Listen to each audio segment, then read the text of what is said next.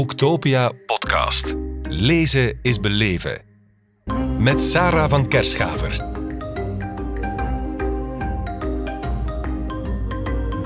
Sophie Leemans, welkom in onze podcast van Boektopia in Kortrijk. Dank u wel. Oh Please heet je boek, uitgegeven bij Houtenkiet. Um, je bent klinische psychologe, je hebt wel wat ervaring verzameld. Uh, ik heb je altijd laten vertellen dat sorry uh, the hardest word was, maar er is een woord dat nog moeilijker is en dat is nee.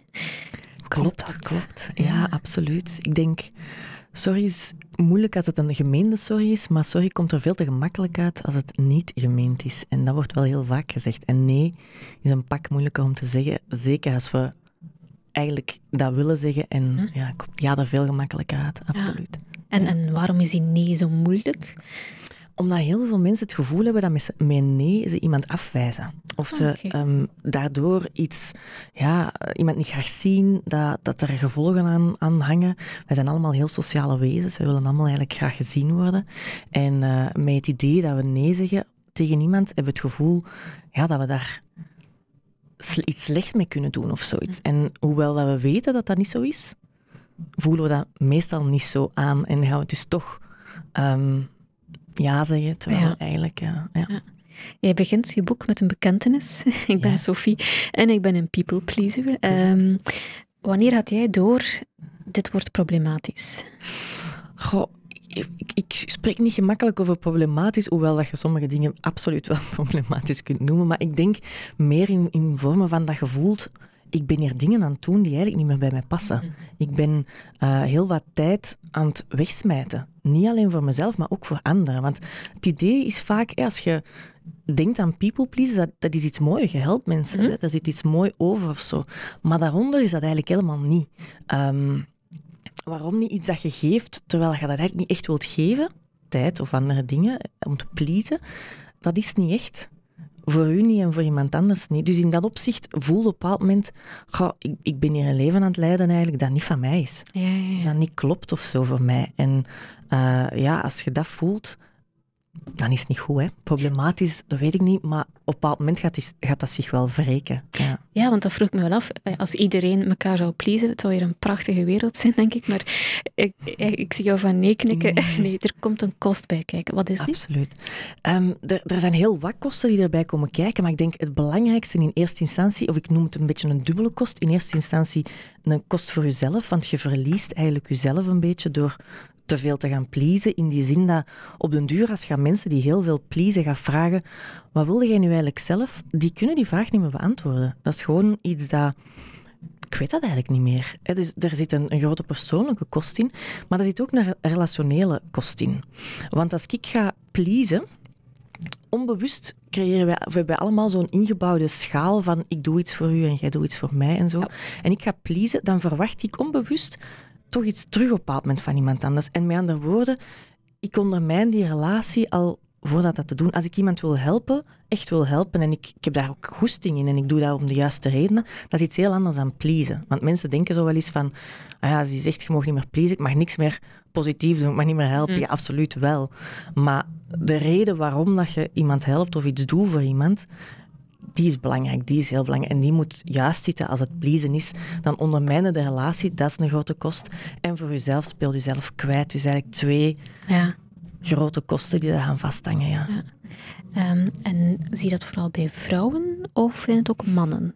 Wel, met het schrijven van het boek heb ik me daar dikwijls afgevraagd. Hm? En ik merk bij mij in de, in de praktijk zie ik eigenlijk vooral vrouwen. Mm -hmm. Maar evengoed mannen hebben daar last van. Alleen weet ik niet goed of het komt omdat ze daar minder vaak over praten. Maar het heeft ook iets te maken, denk ik, met onze maatschappij, waar dat het de taken van een vrouw die nog altijd voor de kinderen zorgen en thuis, dat, dat, dat houdt nog altijd veel gemakkelijker people pleasen in dan een man. Een man... Um, mag gemakkelijker in het beeld van onze maatschappij, ik ga heel kort door de bocht, mag gemakkelijker nee zeggen op iets en dat wordt makkelijker aanvaard. Bij een vrouw is dat minder. Mm -hmm. Ik geef in het boek op een moment ook een voorbeeld. Uh, een, een collega waar ik ooit mee heb samengewerkt. Ik was iemand die op heel veel dingen ja zei. Niet alleen om te pleasen, maar ook omdat ik gewoon heel, dat heel leuk vind om heel veel verschillende dingen te kunnen doen op mijn job. Mm -hmm. Maar hij zei eigenlijk standaard nee op dingen. En van hem werd dat aanvaard. Als in, hij zei dat en oké, okay, mm. dat, dat was zo. als ik op een moment een nee zei, dan heb ik oprecht op een bepaald moment van ehm, mijn, uh, mijn toenmalige baas uh, gekregen, ah, ik ben nu wel teleurgesteld dat je daar niet ziet zitten om dat te doen. Omdat mensen zo gewoon zijn van u dat je ja zegt, ja, dat ze dat eigenlijk ook zo gaan verwachten. Dus je creëert ook iets wat dat eigenlijk ja, wat helemaal aan mijn is. Want dan niet alleen heb je ja gezegd op iets mm dat je wilt doen, maar je krijgt ook nog eens uh, ja, schuldgevoel, bij. bij. En, en, ja. en dit boek schrijven, heeft het jou genezen? Ah, wel, ik, ik weet niet of je echt kunt genezen van people pleasen. En ik bedoel dat dan in de zin van, het is een beetje zoals um, een alcoholieker. Mhm. Die kan daar wel, uh, die kan stoppen met drinken en daar, daar geen, of veel minder last van hebben.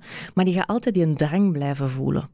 En bij people pleasen is dat een beetje hetzelfde. Je blijft voelen dat je eigenlijk wilt ja zeggen, je wilt iemand helpen. dat zijn vaak mensen die heel empathisch zijn en die willen dat oprecht ook graag doen.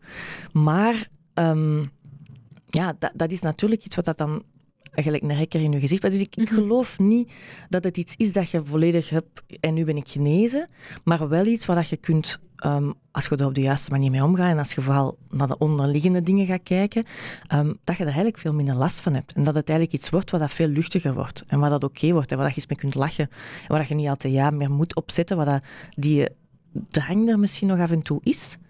Maar waar je heel goed voelt, ik ga, ik ga nu iets anders zeggen en dat is eigenlijk ook oké. Mhm.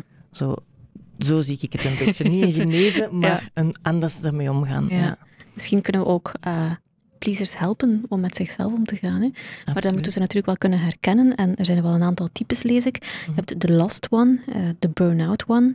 Hoe, hoe herkennen we ze? Goh, ik, ik geloof niet dat er... Want ik heb, ik heb heel wat voorbeelden gegeven in het boek van inderdaad verschillende soorten pleasers. Maar als ik naar mezelf kijk, ik heb die verschillende soorten ook maar kunnen opschrijven, maar ik er heel wat bij mezelf ook herken. Ah, dus er zijn, er zijn een heel aantal dingen die, waarvan ik denk dat, dat er voor sommige mensen een combinatie is. En je hebt bijvoorbeeld mensen die heel gemakkelijk sorry zeggen, die in, in ene zin soms drie keer sorry zeggen of zo. Um, ik heb een vriendin die um, heel vaak zegt, ah, ik ben een slechte vriendin, want ik heb dit niet gedaan of ik heb dat niet gedaan. En dus zo zo, zijn dat zijn ook vormen van people pleasen. Um, en dat heeft niks te maken met nee zeggen. Want ik krijg heel vaak, um, en dat staat ook op de titel van het boek, zo, ah, je moet dan eigenlijk assertiever worden, want je bent eigenlijk iemand die um, wat onzelfzeker is. Maar er zijn zoveel verschillende manieren van pleasen en vaak veel subtielere dingen. En mensen die uh, een vriendin in Afrika bij mij, ik woon in Afrika, vandaar de... Ja, oké. Okay. um, Welkom in Kortrijk. um, die, uh, die, doe, die, die, bijvoorbeeld altijd als ik daar op bezoek ga, dan heeft hij eten in een Tupperware extra gemaakt voor mee te nemen en zo bekend als mijn bomma. Hè. Uh, en dat is een manier van, van people pleasen. Mm. Dus er zijn, het is moeilijk om te zeggen, um, als iemand dat doet, dan. Maar ik heb wel een heel lijstje daarin gezet ik zal zeggen, een aftiklijstje waar je kunt zien, hey, als je er meer dan zoveel hebt, dan uh, red flag. En dan moeten we misschien toch eens nadenken om er iets mee te doen. Um, er zijn heel wat verschillende soorten, dus er zijn heel wat dingen die je kunt herkennen of ja, bij jezelf tegenkomen. Niet Oké, ja. interessant. Confronterend, ongetwijfeld. Ehm, je legt ook wel een heel belangrijke link, namelijk die tussen pleasen en burn-out mhm. en perfectionisme. Waarin schuilt die link precies? Wel, wat ik merkte in... Um, dus ik, ik werk um, vooral, of, of voor een groot deel met mensen die richting een burn-out zijn aan het gaan of gegaan zijn of in een burn-out hebben gezeten. En ik merkte dat heel vaak die mensen ook pleasers waren of heel empathisch waren en ook perfectionisten waren. En uh, die dingen hangen met elkaar gemeen, omdat bij pleasen zien we heel vaak een nood van mensen om um, graag gezien te willen worden, mhm. om, om goed genoeg te willen zijn. Dan zitten heel vaak zo ideeën of, of, of, gedachten, is een beter woord, in ons hoofd van, ben ik wel goed genoeg? Zien mensen me wel graag? Gaat deze wel oké zijn? Wat gaan ze daarvan denken? En al die kleine onzekerheden, die zorgen ervoor dat we gaan dingen heel goed willen doen, perfectionisme bijvoorbeeld, um, in, in de hoop dat, dat mensen ons graag gaan zien. Maar omdat we daar eigenlijk niet... We krijgen die feedback, of we krijgen die feedback wel, maar we zien die niet. Dat is een beetje zoals een ton zonder een bodem in of zo. Mhm. Dus we blijven dat ook doen en soms wordt dat alleen maar erger. En dus in dat opzicht merk ik heel vaak dat mensen die um, met een burn-out zich aanmelden, eigenlijk al heel wat gepleased hebben, om het zo te zeggen, Mhm. bijvoorbeeld op hun job en op andere dingen. En vaak ook perfectionisten zijn, het op hun job zo goed willen doen en het voor iedereen goed willen doen en altijd bezig zijn met de verwachtingen van anderen, dat ze eigenlijk volledig zichzelf kwijt zijn. En als ik nu in ene zin zou moeten zeggen wat is burn-out voor mij, dan is dat eigenlijk, je bent jezelf helemaal kwijt. Ja. Je, bent eigenlijk, je, je kunt eigenlijk niet meer zeggen, als je nu, hè, we gaan eerst bieden naar, naar de cinema en je zou vragen welke film wilde jij zien, Geen idee. Ik weet wel welke film dat jij wilt zien, want Ja. jij bent met dat en zo bezig. Dus die kunnen dat veel beter inschatten van anderen rondom zich, maar van zichzelf lijkt dat bekend of dat, dat een beetje een lege huls is geworden. Mhm. En ehm, dat is dan ook, dat is net het belangrijke, zowel bij, bij pleasen als bij burn-out, om terug op zoek te gaan naar wat wilde jij? Wie zette jij? Wat, wat, wat, wat zit daar van u in? Hoe kunnen we dat terug... Want door dat terug op te vullen, ga je ook merken dat je andere en betere redenen krijgt om nee te zeggen dan gewoon ik moet nee zeggen, want anders ben ik een pushover of zoiets. hè. Mhm. Zo, dat gevoel, want dat hoor ik bij veel mensen nu. Ik wil assertiever worden. Ja, dat gaat niet genoeg zijn. Nee. Daarmee gaat het niet kunnen doen. Nee. Je hebt je hier, tussen, hier intussen in gespecialiseerd. Kun jij vertellen wat jou daar precies zo in aantrok in dat thema-? Is het omdat bij jezelf dat pleasen ontdekte? Of heeft het met iets anders te maken? Wel, het is eigenlijk een beetje gekomen door ehm, bezig zijn met de burn-out. En dat ik dan Mhm. merkte, goh, dat komt elke keer terug. En ik, ik geloof ook oprecht dat alle dingen, en ik denk dat dat voor heel veel mensen geldt, waar je je in specialiseert of waar dat je heel veel mee bezig bent, je zelf ook kent. Dan weten ook wat dat, dat is. En mensen herkennen dat ook bij u. Die weten ook, ah, die babbelt niet zomaar over iets, die weet waarover dat ze het heeft. Ehm, dus ik geef ook heel veel voorbeelden in het boek ook over, over mijn eigen please-gedrag, omdat ja, het zou raar zijn mocht ik van alles gaan vertellen waar ik helemaal zelf niks Mm. Ervaringsgewijs over ken. Dus er zit zeker een stukje ervaring in en, en het zelf zijn, maar ook een stuk ehm, het veel tegenkomen bij, bij cliënten en er veel mee bezig zijn. En dus, met andere woorden, ja, ik ben iemand die zich vaak dingen afvraagt. Dus ik hoor dan dingen of ik zie mensen dan dingen zeggen en dan denk ik, ja, waarom zou ze dat nu doen? En wat is dan de, de link daartussen? Dus je gaat je daarin verdiepen vanuit wat je ziet en je wilt oprecht mensen helpen. Hè. Dus dat pleasen komt dan natuurlijk wel weer terug. Ehm, dus voilà, van, van daaruit denk ik dan. Ja. Oké. Het is ook een doeboek, hè? Het is heel praktisch. Je geeft een aantal tips, eh, er zijn een aantal stappen die je kunt volgen. Wat is de eerste stap? De eerste stap is erkennen dat je een people pleaser bent. Ja, amai, dat is de Ehm, moeilijkste waarschijnlijk. Dat is de moeilijkste, omdat... allee, mensen zeggen dat wel gemakkelijk, ja, ik ben maar een people pleaser enzovoort.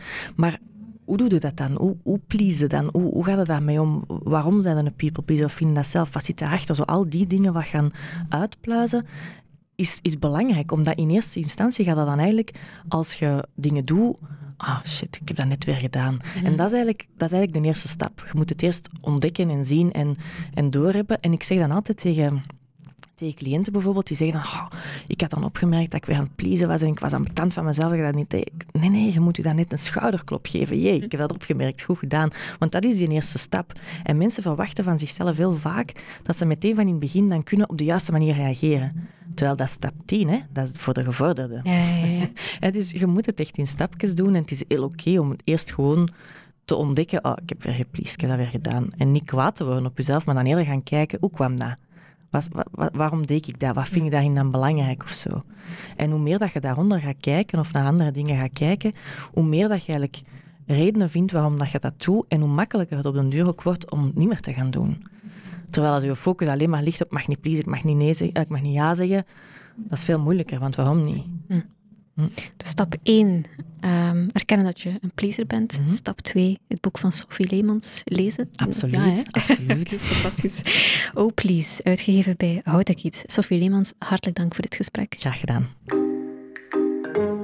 Boektopia podcast. Lezen is beleven.